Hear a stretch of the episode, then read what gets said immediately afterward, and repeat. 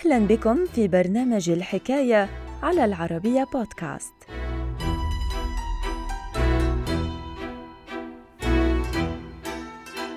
أواخر عام 1865 وقعت كل من فرنسا وإيطاليا وبلجيكا وسويسرا اتفاقية على أمل بعث أول وحدة نقدية بالتاريخ بين هذه الدول. تفاصيل الحكاية في مقال للكاتب طه عبد الناصر رمضان بعنوان قبل 156 عاماً حاول نابليون تكوين اتحاد أوروبي. الحكاية.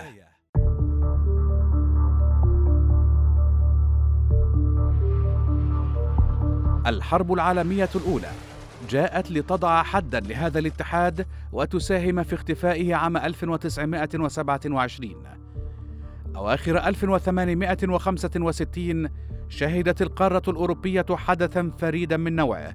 سعى من خلاله عدد من القادة للتقريب بين دولهم عن طريق نظام مالي جديد. فباقتراح من الإمبراطور الفرنسي نابليون الثالث وقعت كل من فرنسا وإيطاليا بقيادة الملك فيكتور إيمانويل الثاني وبلجيكا بقيادة الملك ليوبولد الثاني وسويسرا اتفاقية نقدية. على أمل بعث أول وحدة نقدية لقبت بالاتحاد اللاتيني بالتاريخ بين هذه الدول. من خلال هذه الاتفاقية وافقت كل من فرنسا وسويسرا وإيطاليا وبلجيكا. على الحفاظ على عملاتها وتوحيد قيمتها مقابل الذهب. وبموجب ذلك أصبح من الممكن التعامل بجميع هذه العملات على أراضي الدول الأربع الموقعه على الاتفاقية. حيث استطاع الفرنسي حينها مثلا اقتناء أشياء من بروكسل ودفع ثمنها بالفرنك الفرنسي. من ناحية ثانية استثنت هذه الاتفاقية القطع النقدية التي قلت قيمتها عن عشرين سنتا.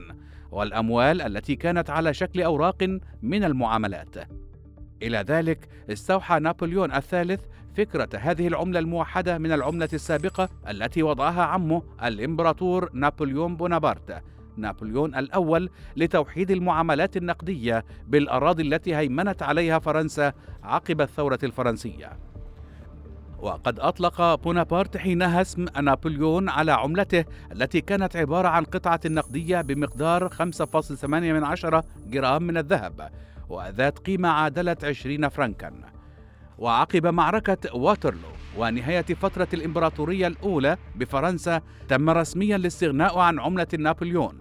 لكن مع حصولهم على استقلالهم عام 1830 فضل البلجيكيون اعتماد عملة ذات قيمة وخصائص مشابهة للنابليون لبلوغ جانب من الاستقرار المالي.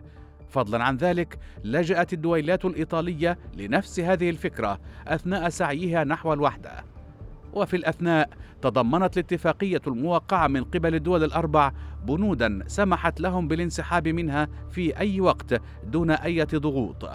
كما أيدت قبول أي دولة أخرى قد ترغب بالانضمام إليها. يوم الثامن من أكتوبر عام 1868 انضمت اليونان رسميا لهذه الاتفاقية النقدية. وبأوجه ضم الاتحاد اللاتيني 26 دولة كان من ضمنها دول بالقارة الأمريكية ومستعمرات بأفريقيا. ولوهلة ما خططت الولايات المتحدة الأمريكية للالتحاق بهذه الاتفاقية قبل أن تتراجع بعد جملة من المشاورات. تزامنا مع توافد كميات هامة من الذهب والفضة القادمة من سيبيريا وجنوب أفريقيا وأستراليا ساهم الاتحاد اللاتيني في ازدهار العديد من الاقتصادات الأوروبية لكن وعلى الرغم من النجاح الذي حققته هذه التجربة المبكرة للوحدة الأوروبية جاءت الحرب العالمية الأولى لتوجه الضربة القاضية للاتحاد اللاتيني الذي اختفى نهائيا بحلول عام 1927